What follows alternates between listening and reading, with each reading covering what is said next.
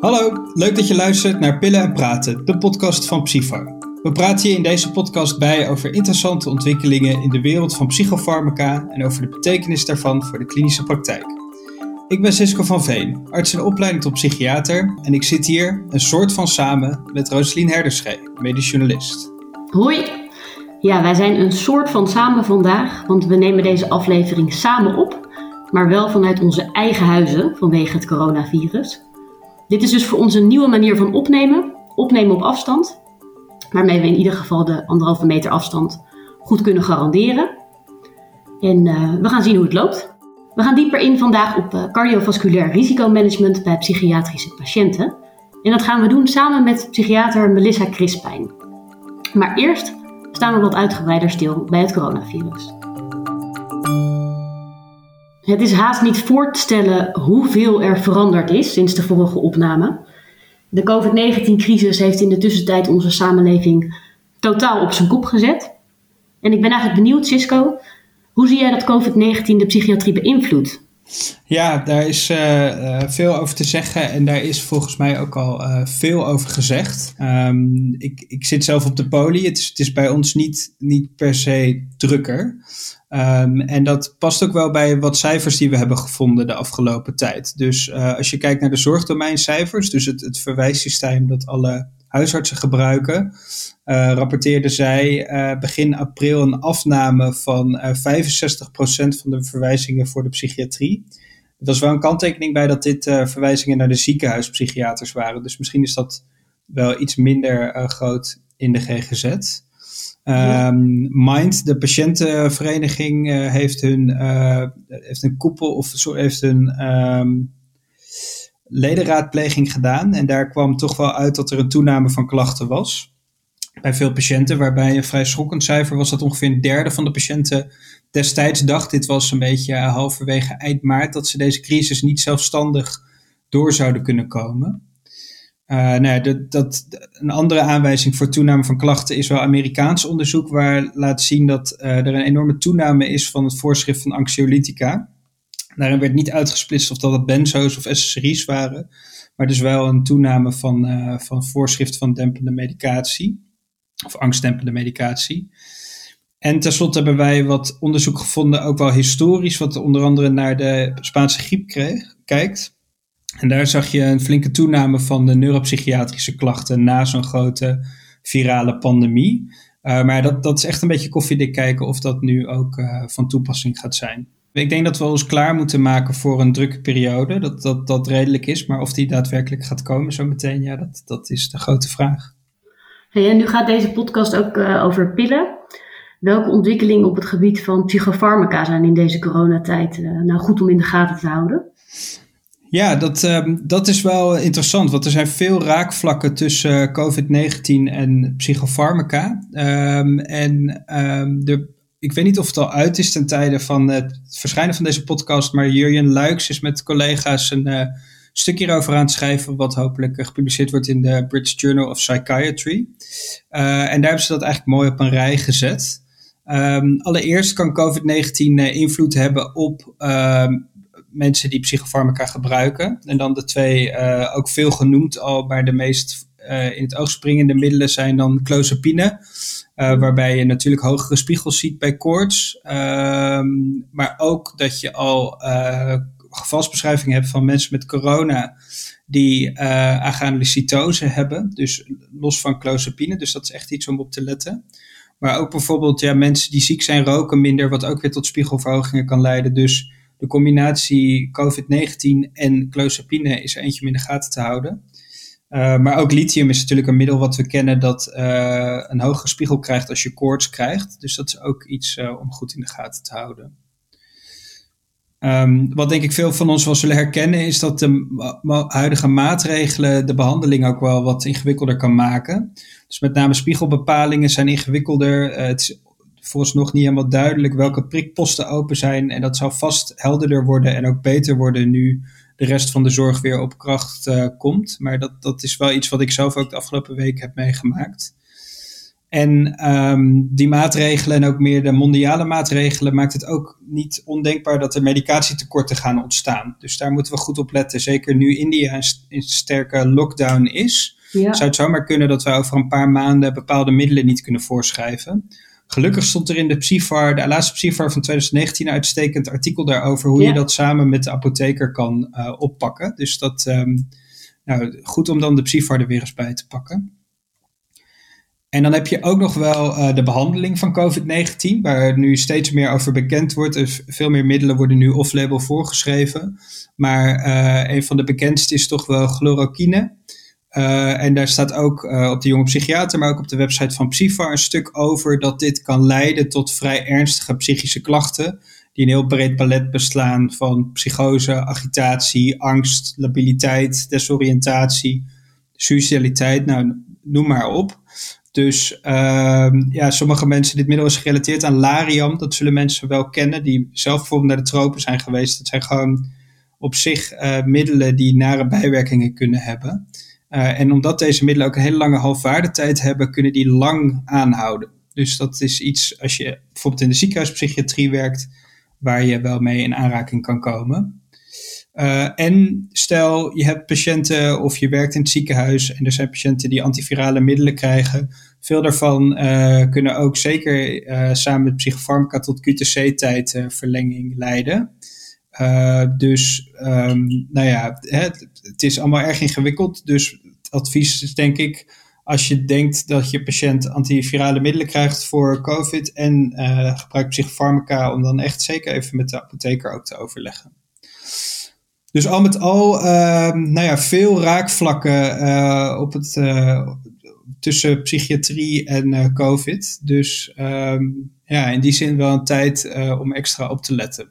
-hmm.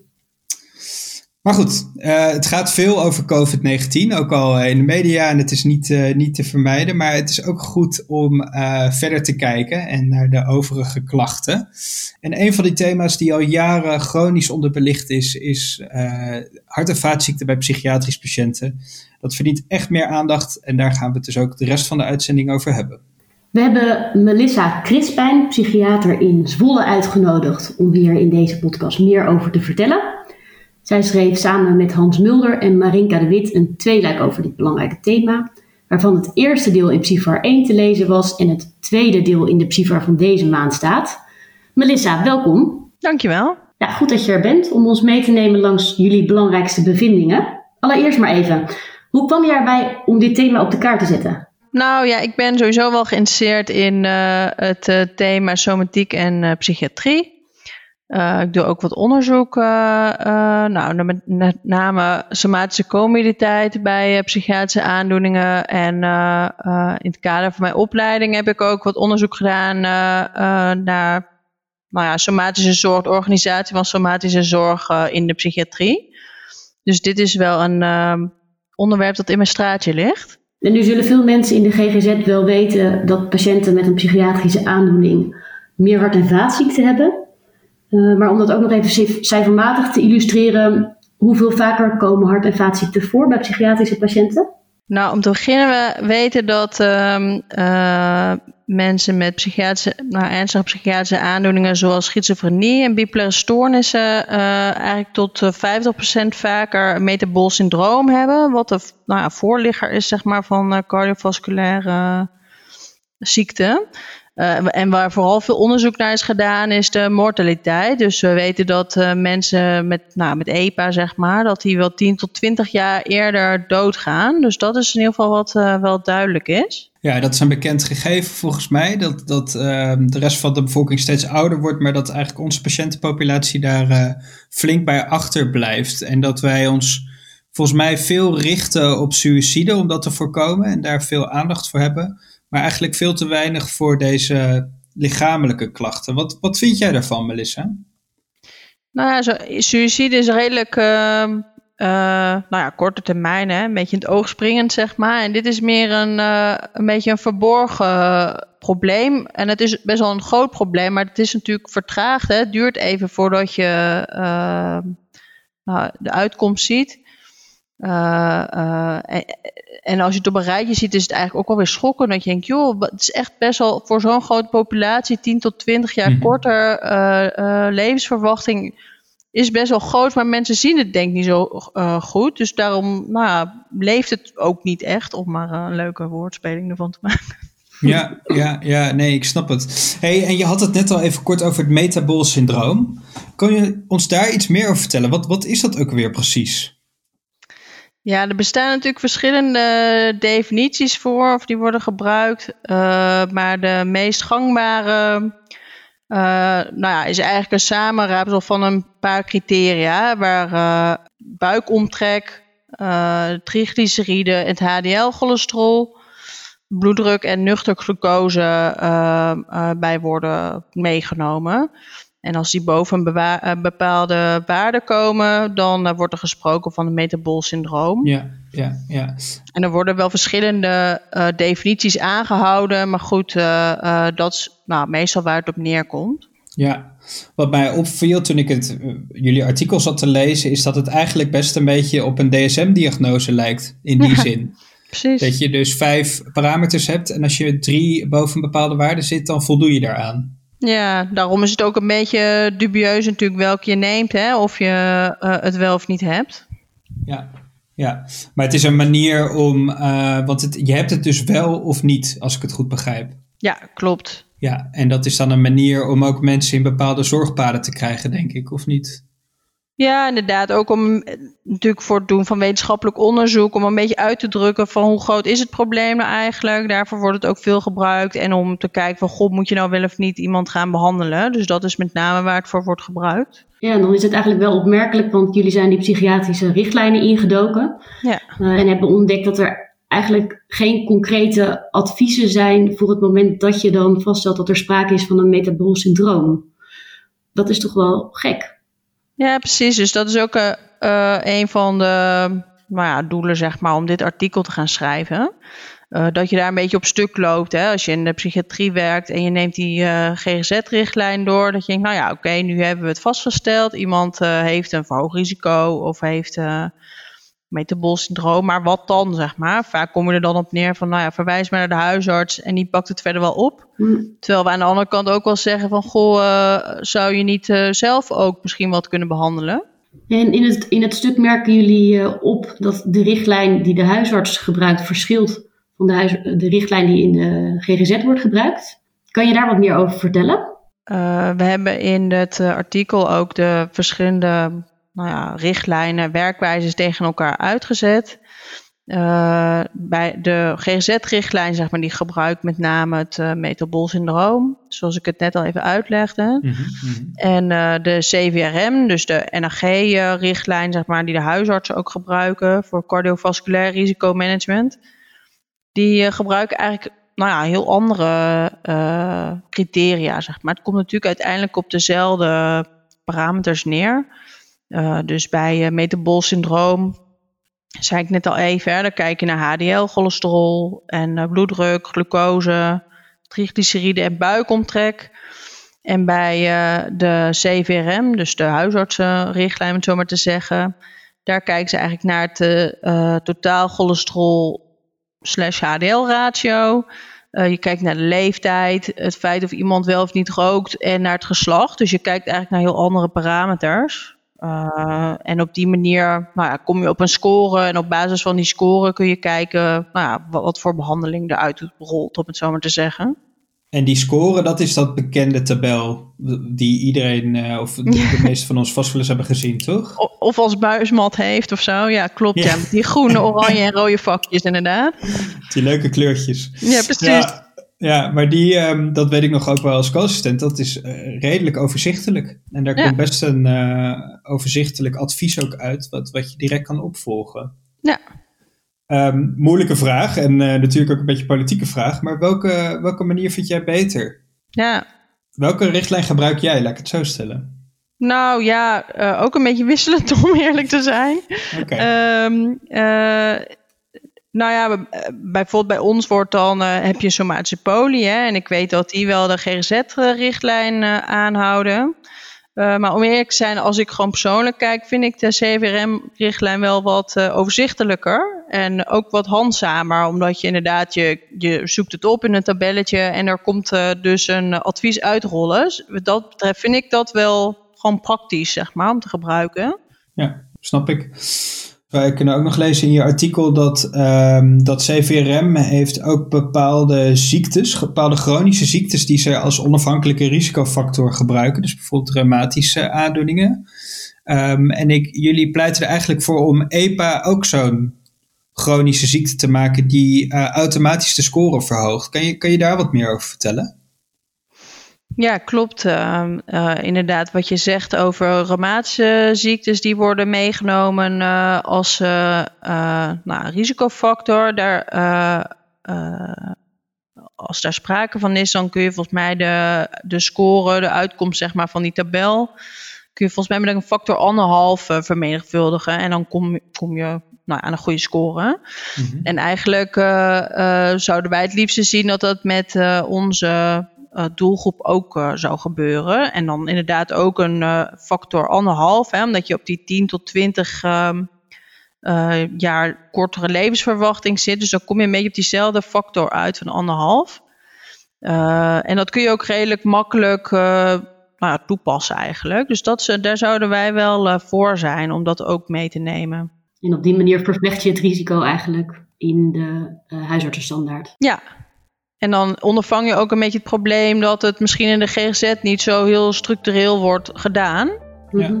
ja nee, heel goed. Dus daar is nog wat uh, lobbywerk uh, voor nodig. Ja.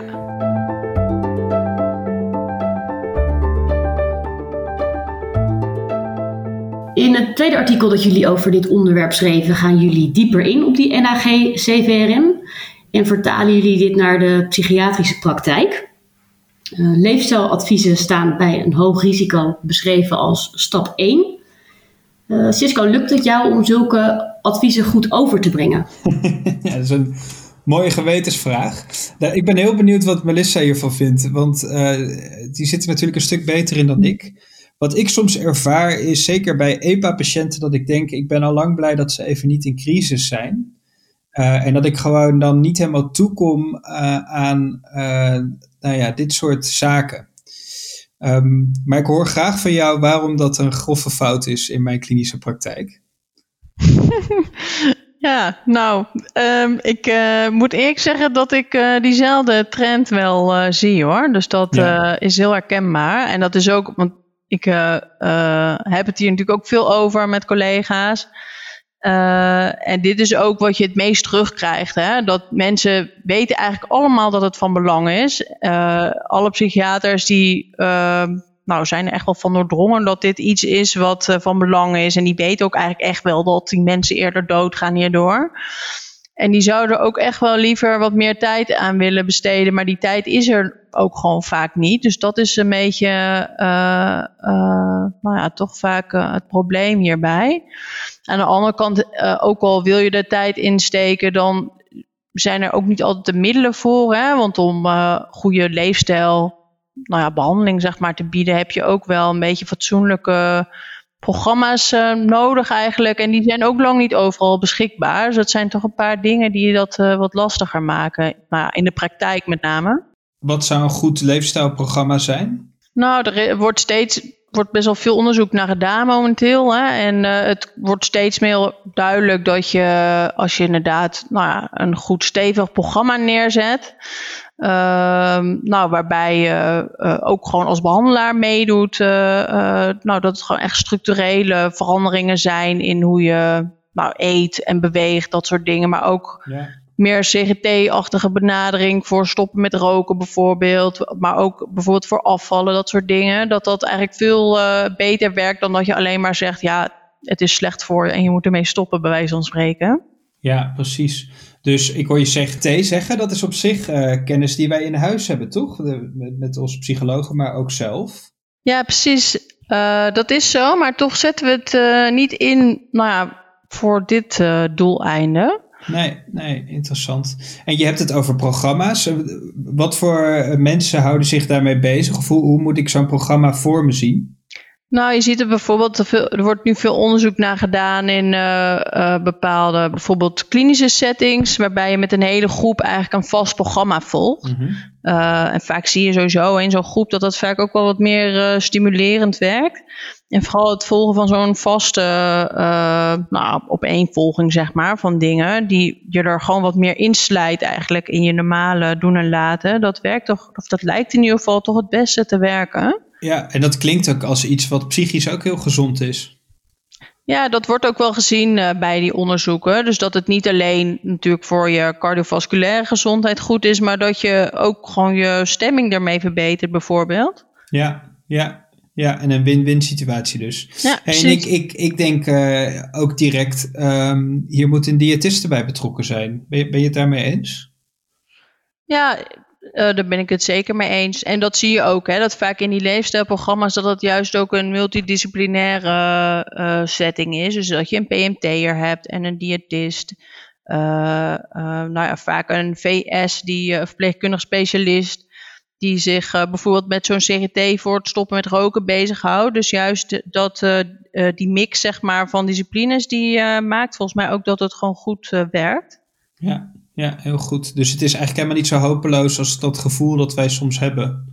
Nee, zeker niet. Volgens mij is het ook heel leuk als je het een beetje hoort. Hè, die mensen die het onderzoek doen, die vinden het vaak ook heel leuk om te doen. En je hebt zelf ook een beetje het idee dat je wat uh, gedaan krijgt, zeg maar. Die doen zelf ook mee. Dus het is vaak wel, uh, nou, wordt wel goed uh, gewaardeerd, zeg maar. En eerst is het dus ehm, adviezen rondom leefstijl. Uh, wanneer bepaal je nou dat je, dat je overgaat naar een medicamenteuze behandeling? Ja, daar, uh, uh, nou, daar hou je zeg maar die uh, scoretabel bij. Dus die kun je er eigenlijk gewoon naast leggen. En als mensen aan zo'n afkapwaarde nou, voldoen, zeg maar, dan kun je ervoor kiezen om te gaan behandelen. en daar wordt er vooral gekeken naar je lipide en naar de bloeddruk. Dus dat zijn eigenlijk de belangrijkste dingen die je aan kunt grijpen. Dus je noemt hypertensie en hyperlipidemie als twee uh, belangrijke dingen waar je medicamenteus op in kan grijpen. Als we het over die hyperlipidemie hebben, wat, wat zijn dan stappen die wij als psychiaters zelf kunnen zetten?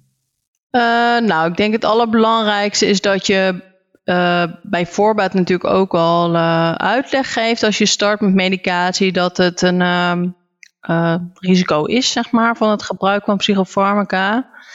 En daarbij ook dat uh, nou, somatische screening überhaupt al een uh, vast onderdeel eigenlijk zou moeten zijn uh, van de behandeling. Waarbij je natuurlijk uh, nou al die parameters ook gaat meten, zoals de cholesterolen, zeg maar, de glucoses en de controles, zoals de bloeddruk. Dus daar begint het al bij dat je dat sowieso gaat meten. Ja, dus nu hebben we in een perfecte wereld, uh, gaat deze podcast enorm veel zin hebben en gaat iedereen dat heel netjes doen. En nu komt de verpleegkundig specialist bij ons terug met, hey, ik heb een hyperlipidemie uh, gezien. Mm Vind jij dan dat wij zelf een statine moeten starten? Ja, het ligt denk ik ook een beetje aan de setting. Uh, volgens mij zou het prima kunnen. Uh, en wat ik eerder ook al zei, hè, volgens mij vooral als je bijvoorbeeld uh, uh, bij een vakt of zo werkt, hè, waarbij uh, je al lang blij dat er iemand bent, dat er iemand over de vloer komt. volgens mij is het dan echt perfect als je naast je reguliere behandeling, als je al een goede behandelrelatie hebt, dat je ook toch een statine kunt gaan starten. Dat is in ieder geval heel erg praktisch. Dus op zich ben ik er wel voor als het nou, in de juiste setting is en als je jezelf natuurlijk ook gewoon bekwaam voelt daartoe. Ja, want denk jij dat de psychiaters zich zo lang voelen bij het uitvoeren van uh, somatische controles en dus ook het opstarten van eventuele behandeling? Nou, het is wel grappig. We hebben een tijdje geleden uh, vanuit de. Nou, we hebben ook zitten in een NVP-werkgroep eh, hierop over. Hebben een uh, inventarisatie gedaan onder de nou, Nederlandse psychiaters. En het blijkt wel echt dat een aanzienlijk deel ehm, zich daar eigenlijk niet zo heel bekwaam in voelt. Uh, dus dat is denk ik ook gelijk een van de belangrijkste dingen waar we rekening mee moeten houden in de praktijk. Dat gewoon veel mensen nou, zich er niet zo lang bij voelen. Ja, en dus nascholing is in die zin denk ik ook belangrijk. Ja, precies. Dus nascholing, maar ook überhaupt denk ik uh, voldoende aandacht in de psychiatrieopleiding ook hiervoor. En het bijhouden ook. En um, nou ja, leuke Psyfar tijdschrift hierover. Precies, uitstekend. Ik heb wel erg het gevoel, um, wat jullie ook wel in het artikel beschrijven, Lissa, is dat soms zo ja, dat belletje of dat briefje naar de huisarts van hé, hey, we hebben een te hoge tensie gemeten, kan jij dat oppakken? dat dat een soort zwart gat is, waar vaak niet zo heel veel mee gebeurt. Ja, ja dat krijg ik ook wel veel, veel terug hoor, van huisarts als je het hierover hebt die zijn zich uiteraard ook echt wel bewust van het probleem. Of niet, maar in ieder geval meestal wel. En die zeggen dan, ja, weet je, we zien het vaak langskomen, maar wij hebben ons eigen systeem en we vinden het wel uh, mooi, zeg maar. Nou, is misschien een beetje kort door de bocht, maar het is, ook daarin merk je wel dat er gewoon een verschil is van uh, hoe je er tegenaan kijkt. En die, die je dan een beetje terug op de CVRM en dan mis je toch een beetje die, nou ja, de factor anderhalf, zeg maar. En Melissa, wat, wat zijn jouw gedachten uh, qua delete, zeg maar? Zou die meer bij een huisarts of, of bij een psychiater moeten liggen? Nou, ik denk dat die in principe meer bij de psychiater zou moeten liggen. Um, maar met het gegeven hè, dat ik net zei van goh, niet iedereen voelt zich daar even bekwaam toe en je ziet in de praktijk nou eenmaal grote verschillen, zou het denk wel uh, toch beter zijn als die uh, toch wat meer bij de huisarts zou liggen. Of in ieder geval als dat wat meer uh, ingebouwd zou zijn in die CVRM, dan ondervang je het gewoon wat meer. Maar om eerlijk te zijn, denk ik wel van goh, we schrijven de medicatie voor. We verhogen wel het risico ermee en we veroorzaken nou, voor een groot deel in ieder geval deze complicaties, om het zo maar te noemen. Dus in die zin denk ik wel dat we eigenlijk verantwoordelijk zouden moeten zijn voor, um, nou, voor ook de behandeling ervan. Zeg, een, een dieper liggend thema is natuurlijk de, de, de scheiding tussen somatische en psychische zorg. Um, denk je dat daar ook uh, winst te behalen is um, op, op dit vlak? Ja, zeker. Want volgens mij alles wat we nu de afgelopen uh, tijd hebben besproken, dat is daar een beetje inherent aan natuurlijk. Um, want ja, volgens mij zijn we ook als psychiater best wel nou eenzijdig zeg maar, opgeleid. Dus er, naar mijn idee in ieder geval weinig, of ja, relatief weinig uh, aandacht voor de somatiek in je psychiatrieopleiding. Nou ja, en andersom denk ik ook. Uh, in de somatische opleiding, om het zo maar te noemen, is er ook vrij weinig aandacht voor de psychiatrie. En dit is nou net zo'n onderwerp wat er precies tussenin ligt. En waarbij je wel echt die aandacht hierbij moet hebben. Dus ja, in, vooral hiervoor, voor dit onderwerp, is het echt wel van belang als dat gat een beetje gedicht wordt. Ja, ja. ja nee, dus veel, veel te doen ook uh, op, op, op uh, bestuurlijk niveau meer. En, en dat we dit echt uh, beter moeten gaan uitdenken. Ik denk dat dat inmiddels ook wel bij veel psychiaters helder is.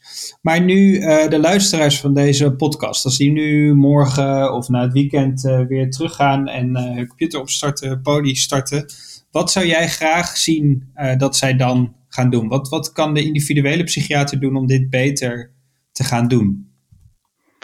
Nou, ik uh, hoop dus met name dat, uh, dat het überhaupt een onderwerp van gesprek is. Dus dat er aan wordt gedacht, überhaupt om het te noemen, hè, dat er een verhoogd risico is, ook aan je patiënt.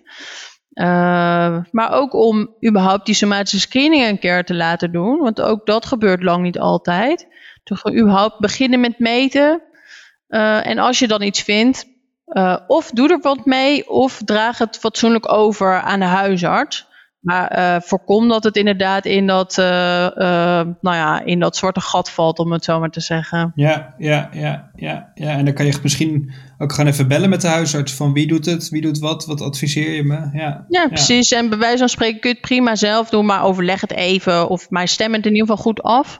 Of als je het inderdaad bij de huisarts laat van, nou ja, bespreek dat dan ook zo van, goh, uh, uh, we hebben dit nu gevonden, vind je het goed om dat te gaan doen? Of nou ja, op wat voor manier dan ook. Maar stem het in ieder geval goed af en zet het niet in een regeltje ergens in de brief, want dat, uh, dat wordt er niet.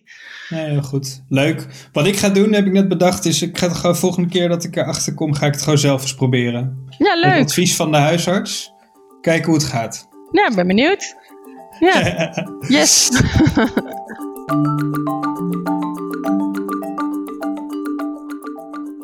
Melissa, we willen je hartelijk danken voor, uh, voor het delen van je kennis en uh, uh, voor het delen van tips. Heel veel succes met dit, dit verder op de kaart zetten. En nou, wellicht lezen we nog een keer een, een deel 3. Ja, dankjewel. Ik hoop het wel. Yes. Nou, we gaan het in de gaten houden. Jij bent redacteur bij Psyfar, hè? dus we kunnen vaker stukken van jou verwachten. En waarschijnlijk ook over dit thema, toch? Ja, zeker. Daar, daar raak ik niet over uitgepraat. Hartstikke goed. Dankjewel. Oké, okay, dag. Daarbij zijn we gekomen bij het eind van deze aflevering van Pillen en Praten, de podcast van Psyfar. In de tweede Psyfar van dit jaar, naast de interessante bijdrage van Melissa Crispijn, is nog veel meer moois te lezen. Zoals dus een mooi hoofdredactioneel commentaar over corona, maar ook een uitvoerig artikel over het nieuwe antipsychoticum cariprazine. Dat uitlegt waarom het eigenlijk goed is om het nog niet zoveel voor te schrijven. En een interview met ziekenhuisapotheker Arne Rieselada over zijn fascinatie voor de psychofarmacologie. We horen natuurlijk graag wat jullie van deze podcast vinden. Dit kan via het platform waarop je deze podcast luistert, maar ook via podcast.psyfar.nl. En je kan ons helpen door deze podcast een beoordeling te geven. Dat helpt anderen weer om hem te vinden. En graag tot een volgende keer. Tot de volgende keer.